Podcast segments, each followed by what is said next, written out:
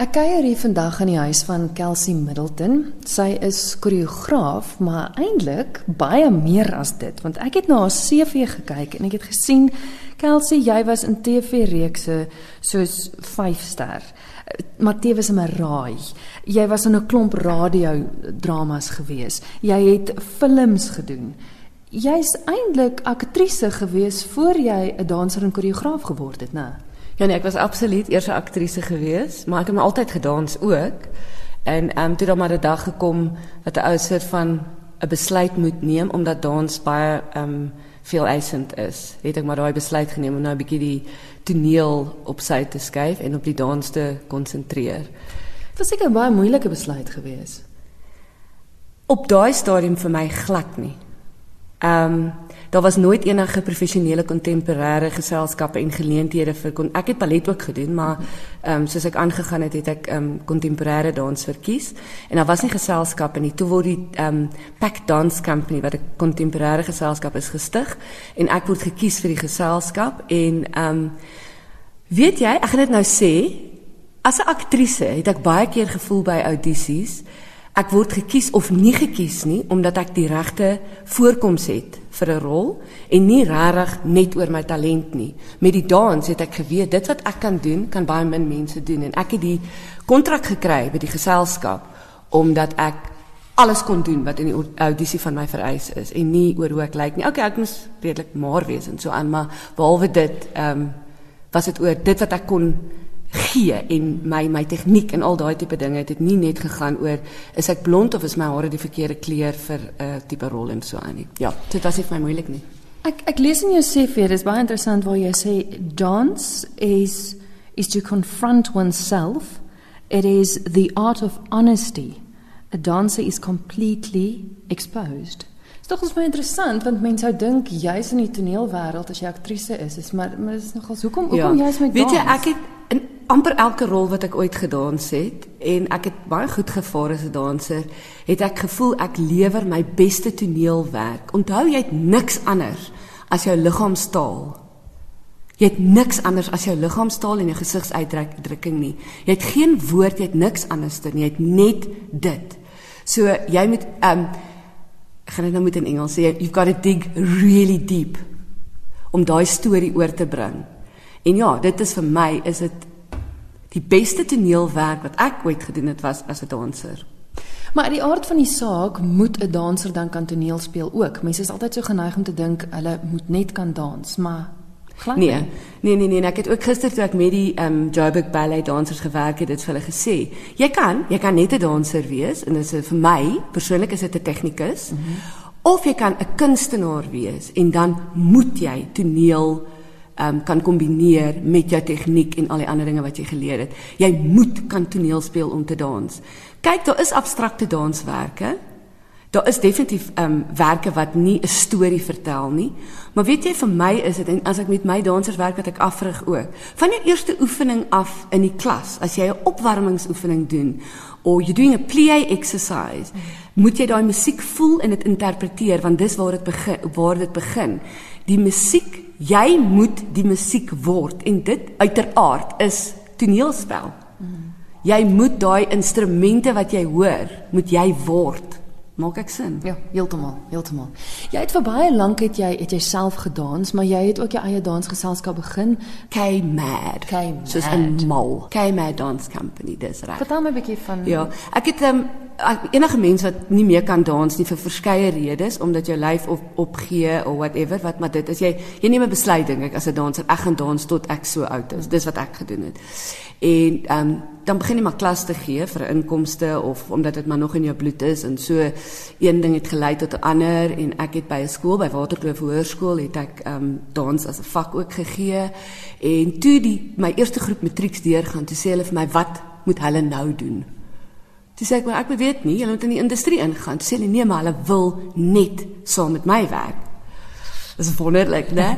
Toe dog ek, "Oké, okay, wat moet ek nou doen? Ek seker maar 'n geselskap begin dat ons kan?" En ja, dit was swaar en dit is was in 2002 alreeds gewees. So dis 'n lang tyd. Ons is nou in ons 15de jaar wat ek my eie geselskap het.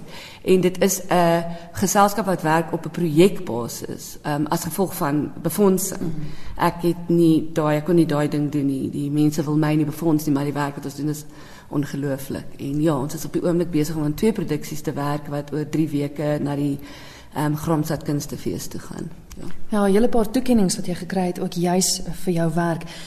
Waaroor ons eintlik vandag gesels is is jou werk wat jy doen saam met Joburg Ballet en dit is my so 'n menslike tema want dit gaan oor oor Alzheimer. Vertel my gou van die stuk. Dis deel dis deel van die, van die winterseisoen wat hulle by die Rodepoort teater doen. Wat is die stuk se naam? Die stuk se naam is She Stumbled and Fell. En ja, dit is gebaseer op 'n Alzheimer pasiënt. Ek wil nie verskriklik baie oor my persoonlike lewe praat nie, maar die tyd toe ek begin werk het aan die stuk wat ehm, 'n um, paar jaar terug was, was my ma gediagnoseer met Alzheimer. En um, ek is maar net so in meeste van die koreografieë wat ek doen deur al die jare, um, is daar maar altyd 'n persoonlike konnotasie. Ek's nie baie goed met abstrakte tipe van goeters nie. Ek moet myself in die goeters inbring. En ja, en toe die stuk nou net ontwikkel en ontwikkel en dit is regtig waar die pad wat 'n vrou loop met haar Alzheimer en ehm um, hoe sy dan agteruit gaan en dit begin basies met haar begrafnis want daar is ehm um, geen genesing vir Alzheimer op hierdie punt nie, né? Daar is obviously is daar toetse wat gedoen word en daar is baie hoop vir die toekoms, maar op hierdie stadium is daar geen genesing daarvoor nie. En dan gaan ons terug en ons gaan dit is 'n baie roerende stuk dink ek. En dan die die manlike dansers is dan die ehm um, wat is caregiver in Afrikaans nie? Versorger? Ja, want kyk 'n Alzheimer pasiënt kan nie sonder 'n versorger ja. wees nie, né? Dit is nie moontlik nie. En um, op watter op watter ehm um, grade dan ook al is, daar is altyd iemand wat na daai persoon moet, moet kyk. So dit is die die vroulike karakters Daar is 'n hoofkarakter ook, maar die vroue vergestel dan die ehm um, Alzheimer uh, gediagnoseerde persoon en dan die mans is dan die versorger. En ehm um, ja, dit is 'n dis 'n pad wat jy gaan loop as jy die stuk kom kyk. Daar is ehm um, voice-overs ook, ja, wat so 'n soort van die storie van haar ehm um, pad wat sy loop vertel. Ehm um, Ja. Interessant ook ons maar die musiek. Ek het gekyk na in die lys van musiek is baie uiteenlopende musiek ja. van klassiek tot hoe besluit mens op die musiek? Kom dit eerste? Dit is altyd vir my interessant. Het jy eers die musiek gehad en dit toe ingevoeg of was hy was hy danspassies eers daar? Hoe werk dit? Kristel, dis 'n fantastiese vraag wat jy my vra, want dit is nooit dieselfde nie, né? Ons word deur ek sê ons, ek bedoel enige koreograaf word deur verskillende dinge geïnspireer. Partykeer ja, jy ry in jou kar en jy hoor 'n stuk musiek en jy raak onmiddellik geïnspireer. En in hierdie geval was dit die geval gewees. Um Ryan Starr se song You Losing Your Memory het ek gehoor reg op daai tyd. Ja. En um dit was net vir my weet partykeer dan dink jy net okay, dit is nou teken ek moet nou. Partykeer is dit 'n rok wat jy sien Partykeer is dit iets in die natuur wat jy sien. Partykeer is dit 'n gedig wat jy hoor. So ek word deur baie verskillende dinge geïnspireer, maar in hierdie geval dink ek daar was iets in my onderbewussyn gewees as gevolg van dit wat ons gehoor het van my ma en dan toe hoor ek nou in my motor daai um stuk musiek en ja, dit is waar dit begin het. En die musiek is baie uiteenlopend. Um ek het baie gesoek um, omdat dit gaan omdat die titel is She Stumbled and Fell, het ek ook vir musiek gesoek wat wat gaan oor die tema van val. Mm -hmm. So daar's 'n stuk musiek wat ek gebruik Falling, daar's Skyfall wat ek gebruik wat net 'n viool, is nou nie Adele wat sing nie, maar is net 'n viool ehm um, vertolking daarvan. So ek het ook probeer om daai ehm um, tema van val in die musiek in te bring. Ou soek nogal baie vir musiek. Ek dink party mense hoef nie, hulle weet net wat hulle wil doen, maar ek kan soek vir musiek. Jy het nou genoem daar's daar's vroulike en manlike dansers die rolle wat hulle speel. Hoe, hoe groot is is die geselskap wat deel is van jou werk?